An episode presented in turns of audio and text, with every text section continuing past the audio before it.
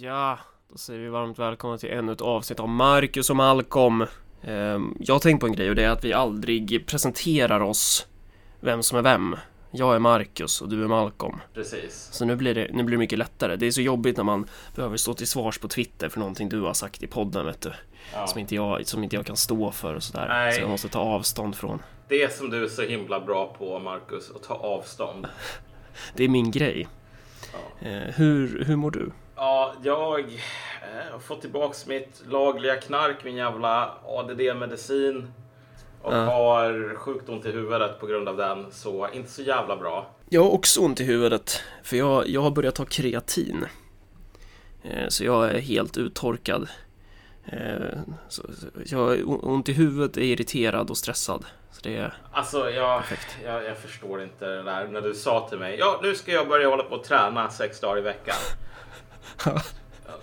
Jag är glad över att den, den perioden där jag fick sådana ryck tog slut för typ en sex år sedan eller någonting.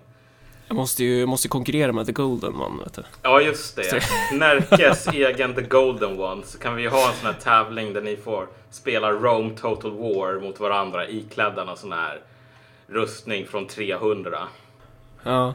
Ehm, Det här är jättekonstigt. Skitsamma. Eh, vi, sk- vi skulle egentligen pratat om The Golden One eh, i, idag. precis. Men alltså, eftersom du satte den här dumma jävla clickbait-titeln Ja. har feminismen gått för långt.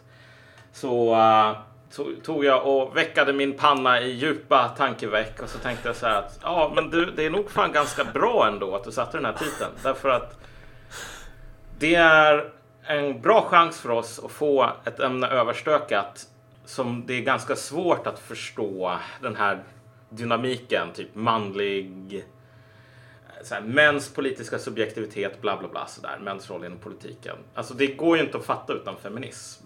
Precis, alltså det, här ämnet som vi har kastat oss in på nu är ju ganska övermäktigt och det, är ju, det går ju inte att göra rättvisa till det här ämnet. Till skillnad från libertarianism som man egentligen bara behöver göra ett pruttljud åt för att avfärda eftersom det bara är patetiska idioter som håller på med sånt där. Men feminism och, och liksom det här med hur, hur spelar kön in på, på vårt samhälle idag? Det är ganska mycket större ämnen så. Ja men exakt. Eh, Så, att, så det är ju det som är... Ja, kolla. I, I ett läge där vi har alla dessa vita kränkta män som går framåt så är det ju självklart att det inte går att förstå dem som en företeelse utan att se hela kartan, typ. Ehm, och vi hade väl egentligen från början så var det väl kanske tänkt att vi skulle, precis som du sa, gå in mer på det här Men's rights, ehm, Red pill, Golden one, allting sådant. Mm, mm. Men vi tar och avvaktar med det ett avsnitt och så tar vi och diskuterar feminism från någon sorts outsiderperspektiv här. Ja. Eh, Fi har, ju, har väl sin kongress nu till och med? Ja, det har de. Och det väl, har väl varit en del drama därifrån. Som, Ja. Så som det brukar bli när man sätter massor med kvinnor i ett rum. Hå, hå, hå, hå. Ja, så, så går det. Eh, vi, vi tänkte ju, om vi har någon slags frågeställning här, så hur använder sig dagens feminism av män och så vidare? Ja, precis. Är det, är det en bra frågeställning? Speciellt med det där tillägget och så vidare. Ja, jo men precis. Jag tror att det är ganska bra. För vi kommer väl... Mm. Mot slutet så kommer vi väl komma in återkopplat till det här med mäns politiska subjektivitet så. Men det behövs en del förarbete. Och då ska vi kasta in en brasklapp här och det första brasklappen som vi ska ta det är ju att det finns massa olika feminismer. Ja, Eh, och och det, det, jag själv ser mig väl med, nu vet du, det här med språket. Jag själv ser mig väl på något sätt som en feminism, tror jag. mm. Samtidigt som det är väldigt jobbigt att behöva, man vill ju inte bli förknippad med Gudrun Schyman. Man vill ju inte det liksom. Men, men det finns ju vettiga, alltså det finns ju jävligt mycket vettigt inom feminismen som jag tycker är så här självklart. ja, jo men precis. Men, och då som att kasta in en till brasklapp, så eh, är ju det att det kanske inte, vad spelar det för roll egentligen? Alltså hur, hur politiskt eh, relevanta är, är de här olika strömningarna för det ämne vi ska prata om? Exakt. Ja, självklart så är det ju så att det finns tusen olika riktningar och många är i konflikt med varandra och så vidare inom den här ideologiska strömningen, precis som de flesta andra. Trottar och stalinister håller inte med varandra om så himla mycket, men för SVDs ledarsida så är det fortfarande rödingar, typ.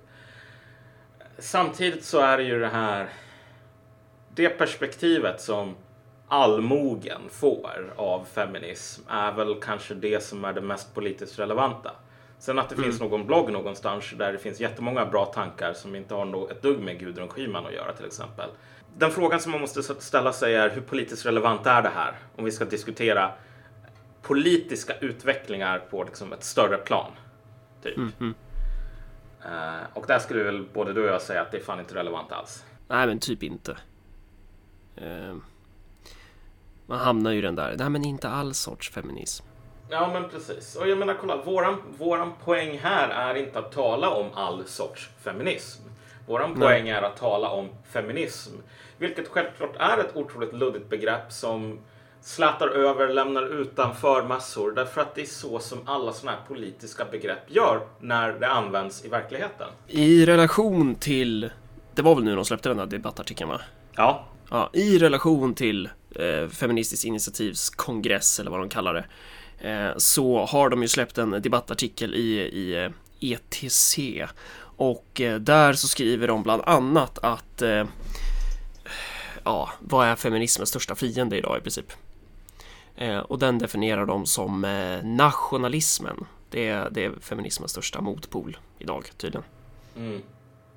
Ja, vi kan ju faktiskt rekommendera alla lyssnare att faktiskt läsa hela den här uh, debattartikeln skriven av Gudrun Schyman och någon till. Eh, Oj, vilken härskarteknik. Ja, precis. Men du vet. Länka på. FB. Ja. Eh, Då länkar jag den på Facebook där sen. Det kommer jag definitivt grumla, grumla bort. Eh, så någon annan eh, får troligtvis göra det. Men det är ja, bra. Hur som helst. Uh, Gudrun Schyman skrev den här debattartikeln och den går alltså igenom. Den sammanfattar hennes syn ganska väl skulle jag väl säga. Det skulle väl kanske till och med hon säga också. På politiken, det politiska läget idag. Och det är ganska mycket. Det är inte bara den här grejen om eh, att feminismens motpol ideologiskt är nationalismen. Utan det ju, tar ju också upp det här med att för det första, hon är inte socialist. Okej, det var väl kanske inte någon större nyhet. Nej, hon hon har ju varit partiledare för Vänsterpartiet så det kommer väl inte som en överraskning. Uh, it's funny because it's true. Ja. Men hur som helst. Okej, hon är inte socialist ehm, och att socialismens problem är att den ser för mycket ekonomistiska förklaringar på ehm, många samhällsproblem. Men att här har vi ett mer individperspektiv som inte är liberalernas individperspektiv utan ett annat. Och ehm, Det, här är, Den- det här är en bättre gud. Helt enkelt. ja, för, för att de definierar ju feminismen, alltså paketet som man säljer in feminism på från det där jävla hållet är ju som en samling goda värderingar, goda värderingar som är universella. Alltså man, man argumenterar ju, sin politik säljs ju in i termer av att men vi står ju för de mänskliga rättigheterna. Problemet är väl Exakt. bara det att mänskliga rättigheter fungerar ju inte om det inte också finns mänskliga skyldigheter. Men i, i, i det här sättet att se på det så blir det nästan som att Okej, här har vi ett papper där det står en massa mänskliga rättigheter, massa fina ord. Eh, det man tänker då är att det här pappret går inte att riva sönder. Eller ingen kan komma in där och bara eh, så här, skjuta hjärnan ur den personen som står och viftar med det där pappret liksom. Eh, och, och det är väl lite så jag känner när folk överlag börjar prata om mänskliga rättigheter. Då osäkrar jag min kommunistrevolver. Inte bara då för att kommunismen har brutit mot mänskliga rättigheter historiskt, utan mer för att det är så jävla oseriöst beteende att hålla på och försöka sälja in politik i termer av mänskliga rättigheter. Det är svagt. Det är ett riktigt svagt beteende. Istället för att försöka säga eh, vi eftersträvar den här sortens makt. Vi gör de här anspråken. Så, så använder man mänskliga rättigheter som en idol, en gudom ja. Ett, ett paket, en, en, sin yta att sälja in någonting annat på då. Jag skulle vilja jämföra den här grejen med eh, typ borgarklassen under franska revolutionen. Eh, att man argumenterade ju inte för liksom, den uppåtstigande köpmannaklassens klassintressen i termer av att eh, ja, men vi tjänar på det här. Det var ju inte där man främst sålde in det på, utan det var ju Guds vilja. Det var ju så här, eh, människan är till naturen förnuftig, därför eh, bör vi ju ändra på det här och det här. Eh, Människan, eh, Gud skapade människan så här. Vilket står i kontrast väl, till... nu, nu var det väl ganska mycket anti-religiositet i perioder, men Ja, jo, sam, samtidigt hela så... tiden var väl... Ja. Alltså alla var ju inte så här så himla typ Gud sa så här, därför måste det vara så. Det var ju den gamla adelns förklaringsmodell ofta. Men då Jo, sa man istället att förnuft, Gud skapade människan som var förnuftig Ja. och det här är förnuft. Men den här på- världsordningen är rent förnuft. Precis, men, Därför men, så går den inte att diskutera. men man tog aldrig bort Gud ur eh, ekvationen. Gud var fortfarande relevant. Man måste fortfarande gå via Gud. Man måste fortfarande gå via naturen. Man måste fortfarande gå via någon, någon, någonting större än en själv. Någonting universellt. Ja, precis. Men då bytte man ut Gud mot naturen eller sanningen med stort S. Ja. Det, det, som sagt, det där är ju Al komplicerad historia, alternativt men- att man definier omdefinierade Gud som naturen. Ja, det var ju det steget som... Ja. Alltså, gå längre än så var de flesta inte villiga att göra, men precis. Och att- på samma sätt så har väl kommunister ibland då och då ganska dogmatiskt argumenterat för vetenskapen med stort V. Att Ja. så här, ja men det här är ju den sanna läran, det är ju fan vetenskapligt vedertaget och det är ju på samma sätt som man försöker Eh, skymma sina faktiska intressen bakom det här skynket, det här ideologiska fasaden som man byggt upp då. Och i Feministiskt initiativs fall så är ju det mänskliga rättigheter som kommer till uttryck i den här sortens eh, vulgära, vidrig identitetspolitik som jag hatar från djupet av mitt hjärta. Ja, men, men, men en annan sak som är intressant med det här med mänskliga rättigheter, vad det är ett tecken på, är ju, och det här är någonting som vi såg oftast med eh, Vänsterpartiet till exempel, under eh, den här flyktingkrisen. Då var det ju otroligt vanligt att argumentera för att okej, vet du vad, det kanske är så att det är ohållbart att ta emot sig 10 miljoner till Sverige eller något sånt. Men nu är det så här att om det kommer 10 miljoner så finns det faktiskt FNs flyktingkonvention. Vilket betyder att det är omöjligt för oss att inte göra det. Ja, återigen, man, man kan inte bara riva sönder den där konventionen. Så de, Nej, exakt. de förstår ju inte, eller någonstans fattar de väl det, men, men det är så man argumenterar liksom. Jo, men man argumenterar från en svaghet. Man säger så här att politik existerar egentligen inte. Vad som existerar är budord. Som inte får ifrågasättas. Och som, visst, nu var det ju människor som skrev flyktingkonventionen. Och precis som alla människor så hade de som skrev flyktingkonventionen massor med fel, alltså problem, fel, brister och så vidare. Som möjligtvis för över till deras verk. Men inte i det här fallet, utan i det här fallet så är det så att vi talar om stentavlorna med Ja, precis. Det är universellt sanna. Man vill pusha bort möjligheten till diskussion och konflikt. Exakt. Precis. Man förflyttar det här med hur många flyktingar ska Sverige ta emot, Ja. under vilka former, till någonting som, alltså, det går inte att diskutera för det är redan avgjort. Och jättetråkigt att det redan är det. Kanske så skulle vi i en annan värld behöva diskutera sådana här saker. Men nu är det så här, FN har sagt så, då går det inte att ändra på det. Det är bara så här, FN säger otroligt många saker som ingen lyssnar på.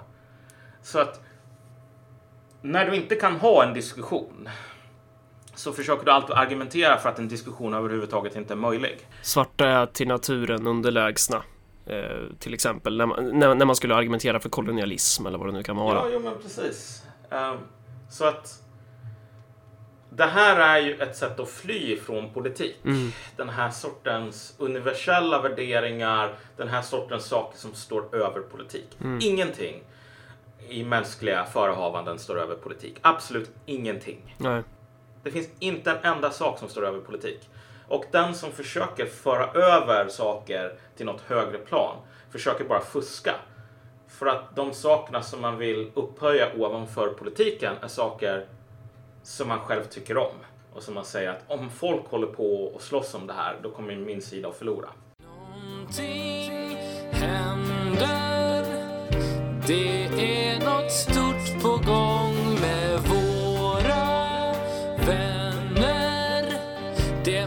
Marcus och Malcolms podd Men om vi går in på nationalismen då, hur de definierar, eh, vad ska man säga, de- definierar nationalismen. Vad, vad är nationalismen? Va- Varför står den i motsättning till feminismen till det, för, för det första? Det är ju helt absurt påstående. Ja, det har ju inte så himla mycket med historien att göra om man tänker sig vad...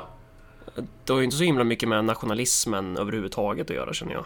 Alltså, alltså Nej. idén om att man är jämlikare i ett land, att man har typ en, en, en kollektiv, eh, vad ska man säga, gemenskap utifrån nationen och så här. Det är väl snarare kanske lite av en förutsättning för feminismens framväxt också. Alltså vi har ju två, eh, om man ska verkligen förenkla det så kan vi väl dela in den europeiska nationalismen i den här franska, den typ romantiska, tyska, italienska. Mm. Eh, och det är väldigt svårt att se vad, hur någon av de här... De kommer ju inte upp... De, de föddes ju inte som en reaktion mot att det fanns för många kvinnliga eh, prefekter som höll på att styra över Frankrikes landsbygd. De argumenterar utifrån nationalismen som att det är de onda universella värderingarna på något sätt. Att det är typ, eh, sättet de definierar nationalismen på, det är ju de vita kränkta männen. Ja, precis. Ja, Fi gör ju det. Ja, precis. Och det är ju någonting som... Det har ju ingenting med historien att göra. Nej. Utan det är ju bara en... Det visar ju på något plan vad, vad feminismen har blivit, eller vad man ska säga, i de här människornas sinnen. För sättet som man pratar om dem på är ju då, om de här mytiska vita kränkta männen, det är ju att ja, men de här personerna hatar ju kvinnor. Eh, De hatar kvinnor, de vill att kvinnan ska gå tillbaka till spisen. Det är ju det fascism och nationalism innebär. Det är ju på det sättet man tillskriver dem de här egenskaperna då. Så det är ju Ja. på något sätt eh, antagonisten i, i den här eh, berättelsen då. Och i någon mån så stämmer väl det. I någon mån så finns det väl fog att säga så idag med tanke på de, den kvinnosynen som finns på typ Radix. Men det har ju inte, återigen, det här är ju någonting som har väldigt lite med nationalism i sig att göra. Ja, Och det fascinerande här med den här sortens ställningstagande är ju att om du ser till vilka var det som röstade för Donald Trump till exempel? Vem är partiledare för Front National? Mm. Eh, hint. Kvinnor. Mm. Vita kvinnor. Så att när du använder den här definitionen, låt oss säga, låt oss acceptera två saker. Feminismen är nationalismens motpol och typ Donald Trump, eh, hans budskap var präglat av nationalism. Då får vi en situation där en majoritet av vita kvinnor och en pluralitet av kvinnor överlag i USA röstade för feminismens motpol. Mm. Och det blir ju en otroligt svår nöt att knäcka då. I och med att, så här, hur förklarar man det annat än infantilisering? De här människorna fattar inte vad de håller på med. Mm. Och det som är värt att poängtera här är väl i slutändan att som, en, som någon sorts outsider här som ska försöka diskutera eh, eh, feminismen som en politisk ideologi bland andra politiska ideologier så slår det mig att det som har skett idag är ju en form av sekulär stagnation rent för den egna ideologin. Alltså, de lågt hängande frukterna är ju plockade sedan länge. Och med lågt hängande frukter menar du rösträtt, eh, Ja. typ politisk jämlikhet, eh, ja, det kanske är rösträtt. Eh, Att, att ja, men det, det här juridiska, de här formella rättigheterna, de, de stora bitarna av det här, eh, av den här kakan har man redan käkat upp och det finns bara smulor kvar på något sätt. Jag tror att inom alla ideologier, väldigt förenklat, så finns det väl krafter som agerar för att riva den här ideologin isär. Alltså krafter som drar åt olika håll. Och sen så finns det krafter som pushar liksom, ihop människor. Att solidarisera sig. Att samarbeta. Och det här, båda krafterna finns alltid i varje ideologi. Lever sida vid sida. Men de kan vara olika starka beroende på utvecklingen.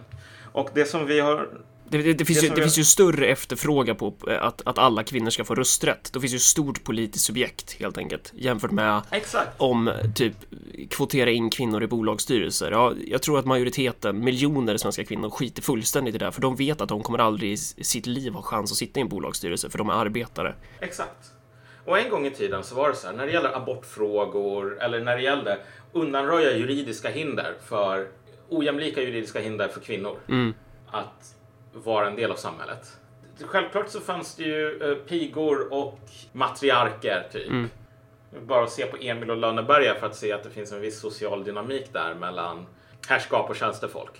Men om det är en fråga om kvinnlig rösträtt, va? Nej, vad tänker Om vi kommer få kritiken nu att man inte kan för, förstå historien utifrån, utifrån Emil i Lönneberga. Men, men skitsamma, fortsätt. Ja, Ja, nej men vad fan, jag tänker försvara att Emil i Lönneberga verkligen visar på att okej, alla i det gamla goda Sverige var inte så här, hade olika intressen. De tillhörde inte samma klass och de drog åt olika håll när det gäller sådana här saker som tjänstehjon, deras rättigheter och liknande. Big fucking surprise. Men det är väl mycket möjligt för typ Ida och vad pigan och vad det nu är Emils mamma heter. Ja. Att, att solidarisera sig när det gäller kvinnlig rösträtt. Det som inte var möjligt historiskt särskilt väl var ju att solidarisera sig kring rätten för pigor.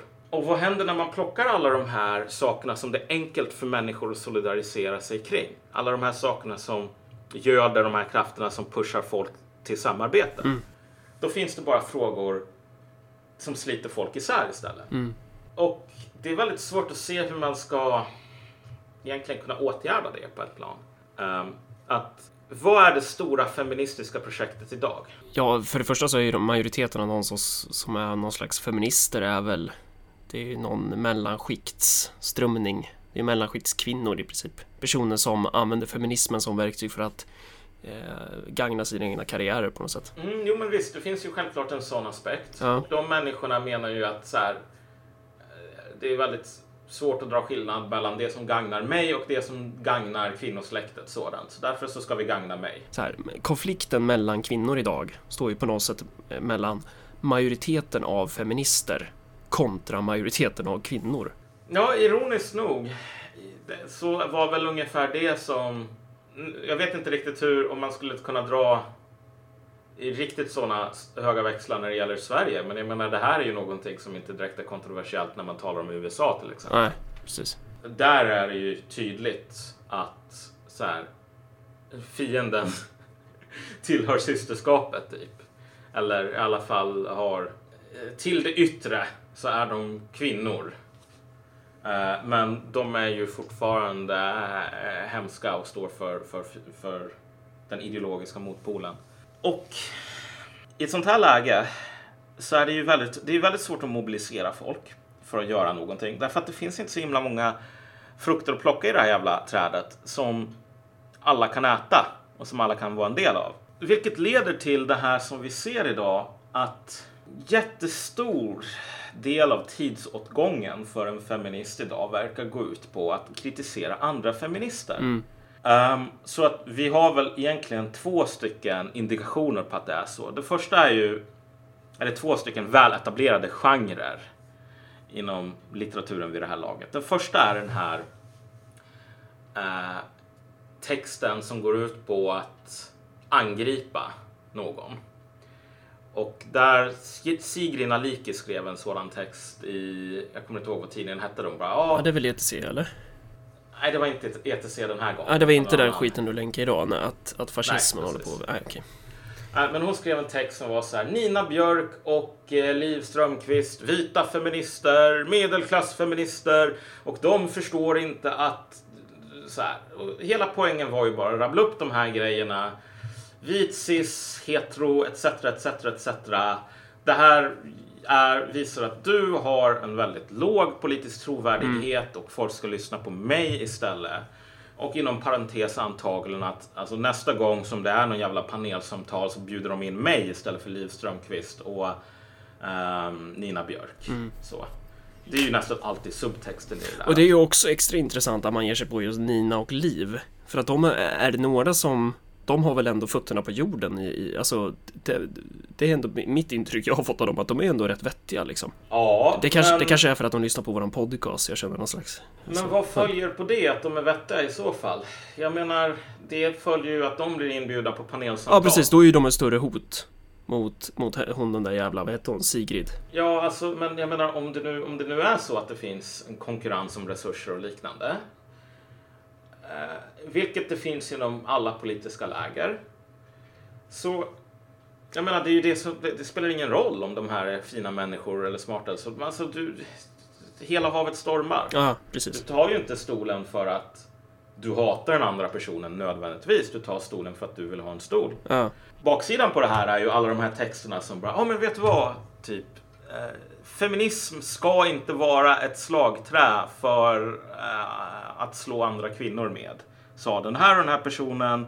Och jag har upptäckt, eller vi har länge vetat om att det är ett stort problem att så mycket av tiden går åt att angripa andra kvinnor och göra det med riktigt sånt här hemska metoder. Jag har tappat räkningen på antalet sådana texter som jag har läst vid det här laget.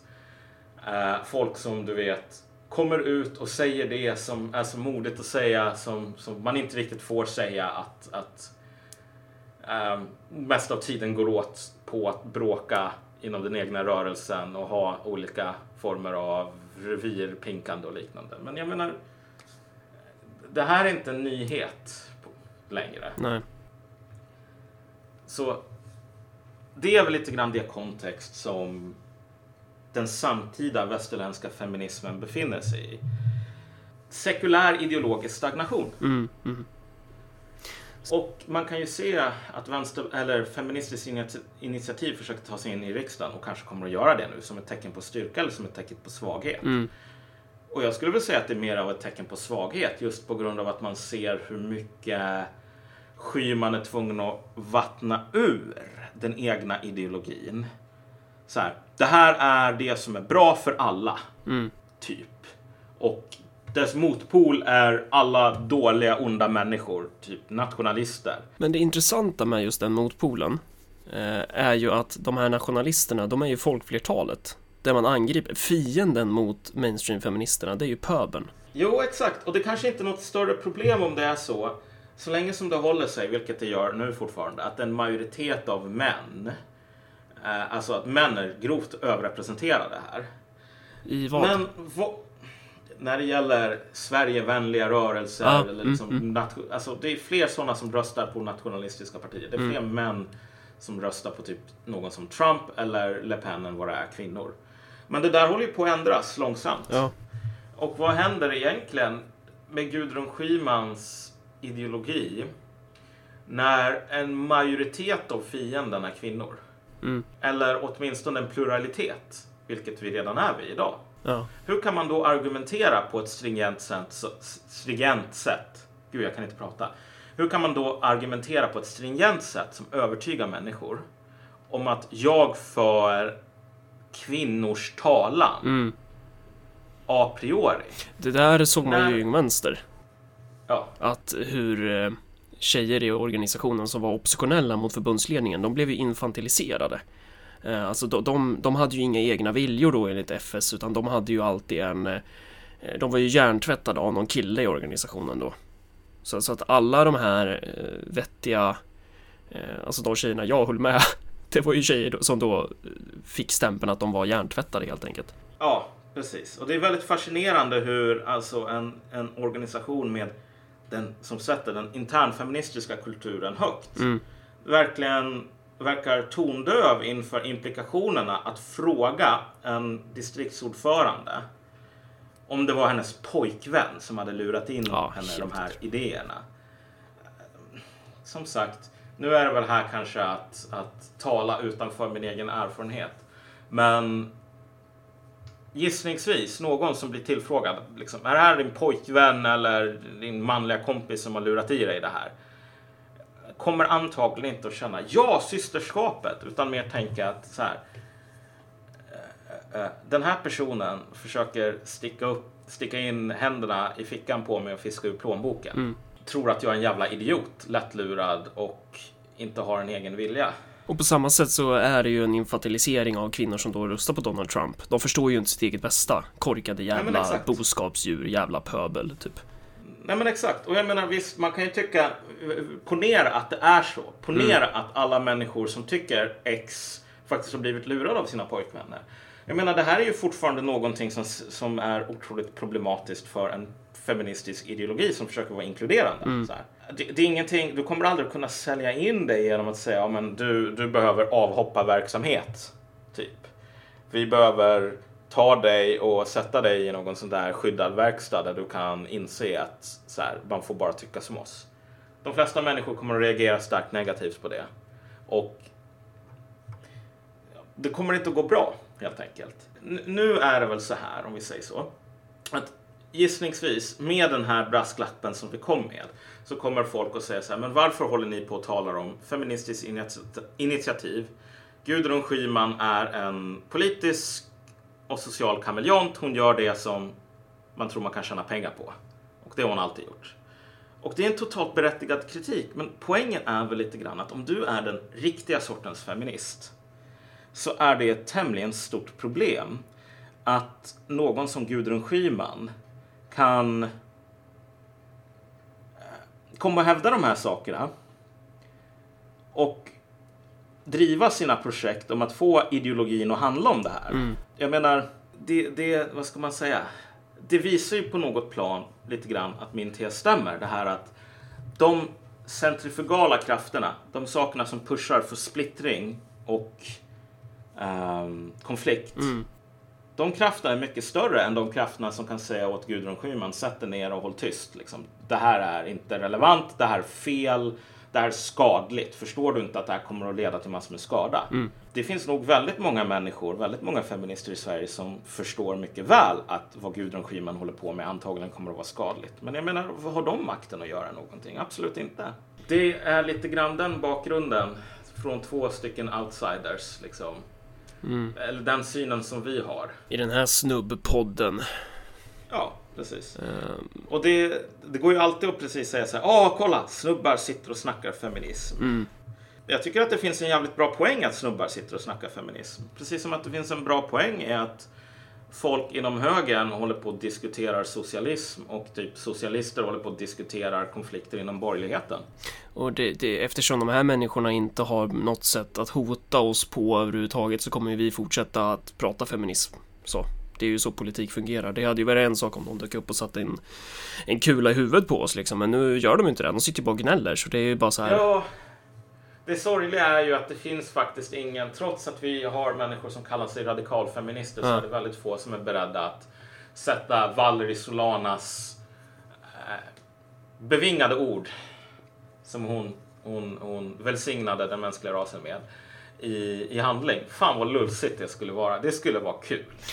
Vadå? Vad är det då? Att de klipper kuken av män eller? Ja men, ja men typ. Skam står ju för... Alltså jag, skulle, för det, jag skulle inte bli förvånad om det där faktiskt skulle hända. Att det var några som flippade ur riktigt ordentligt. Du hävdar ju att identitetspolitiken går mot ett slut. Jag hävdar ju att identitetspolitiken går mot ett totalt crescendo.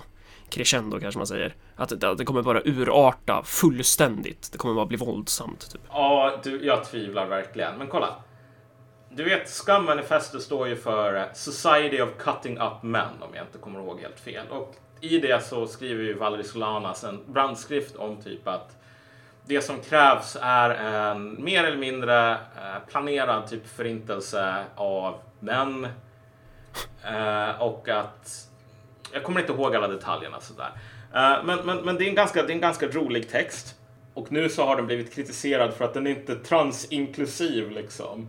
Vilket visar på något absurditeten. Så här. Att okej, nu ska vi hålla på att döda män för att det är ganska ballt. Men förstår ni inte att det här kan tes, ses som kränkande av transpersoner? Bara, poängen med boken var att vara kränkande. Liksom. Sätt dig ner. Uh, men hur som helst. Jag tror verkligen inte att, att dina farhågor här är befogade. Jag tycker att det är verkligen synd att det är så. Men om du ser på någon som typ Lady Damer till exempel. Som är ett väldigt bra exempel på det som vi talar om. Hon blev utsatt för världens jävla mongodrev. Eh, över någon sån här försägelse. Eh, någon liten grej. Hon sa, jag håller inte med Lady Damer om särskilt mycket. Men jag tänker att typ att säga vi som har olivfärgad hy. Det är ingenting som man borde skickas till internationella brottmålsdomstolen för. Var, var det där det handlade om? Att hon hade sagt så? Ja, det var folk som screenkappade liksom hon sa, talade om typ människor som kom från Balkan, Grekland som också blev utsatta. Det här, för- det här är en livsfarlig sekt, Malcolm. De här måste interneras i norra Lappland fort som bara fan. Men, Ja, men, när... men, men kolla. Ja, Ja, men ta bara Lady Damer. Hon blir utsatt för det här mongodrevet. Vad håller hon på med nu? Typ ta bilder på sig själv när hon sitter och äter gifflar på tunnelbanestation och tunnelbanetåg och säger så här. Det här är en politisk ställningstagande att som kvinna och fet äta ett helt paket gifflar på, eh, i offentligheten. ja. ja, det kanske inte är så farligt egentligen då, men... Ja, precis. Men det är ändå, det, det är ändå riktigt obehagligt hur folk beter sig alltså. Det är, ja, jag blir så här bara walk away from the knas alltså. Verkligen walk away from the knas. Men nu sitter vi och pratar om de här idioterna. Eh, men en annan grej när det gäller det här med nationalism kontra feminism är väl också att feminismen i sina universella värderingar åberopar ju en internationalism. Ja, Det är väl ändå en relevant aspekt tänker jag. Att, att feminismen har ju på något sätt eh, Vi snackar väl någonting om det här någon gång att, att de här dagens alla ideologier, typ socialdemokrati, liberalism, allting håller bara på att smälta ihop till en enda jävla status quo-vänlig sörja. Och Gudrun Schyman är ju i fronten för det där också. Hon är ju med i det där. Den där jävla eh, orgien som går ut på att bevara District 1. ja. Du, fan, Zizek har en sån jävla bra poäng om det här som jag kom på just. Eh, du vet westernfilmer, Ja, den genren. ja, Eh, det var ju så här, man höll på att göra westernfilmer och det blev liksom en egen, ett formspråk och så vidare. Men sen så blev folk så jävla trötta på westernfilmer så det enda sättet att göra westernfilmer var att ha någon form av supplement. Typ. Därför att westernfilmen i sig var inte stark nog att kunna bära en film längre. Liksom. Så du behövde western plus aliens. Western plus Will eh, Smith. Du vet. Wild Wild West, den filmen till exempel. Western plus komedi, western plus bla bla bla. Eh, och sen till slut så fick du den ultimata så här kulmen på den här svagheten i westernformatet som var en renässans för typ western plus western. Där det här låter, de här... det här låter så jävla Zizek. Ja, jo, men precis. Men alltså det, om man funderar typ fem sekunder så är det en ganska bra poäng. Ja, absolut. Därför att i slutändan så, det enda sättet du kunde göra en westernfilm på, det var att göra den här mest överdrivna eh, skildringen som inte hade någonting med... eh, alla höll på typ tuggade tuggtobak och spottade och alla höll på med en jävla puffra liksom. Ja. Det var inte så som de här vilda västern-filmerna i början såg ut, utan de försökte väl ha någon sorts normal skildring av livet många gånger. Men till slut så kunde du bara ha pastischen kvar. Och det här med Gudrun Schyman, när hon säger att okej, men feminism är motpolen till internationalism och så vidare. Det är ju också ett tecken på svaghet. Nej, feminism är ju motpolen till nationalism. Ja, motpolen till nationalism och den står för mänskliga värderingar och alltså feminism utan antirasism är inte tänkbar och sådär. De, de hänger ihop. Ja, det. Det här är ju westernfilmerna. Som inte klarar sig utan ett supplement. Så här. Feminismen är inte stark nog att kunna argumentera för vad den är. Utan snarare måste argumentera för, ja men kolla, här har vi antirasistisk politik i feministisk tappning. Typ.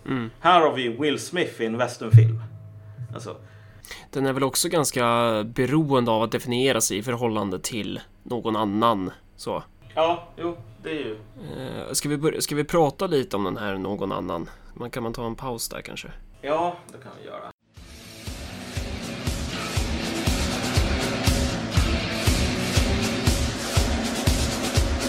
Красная армия, доблестный флот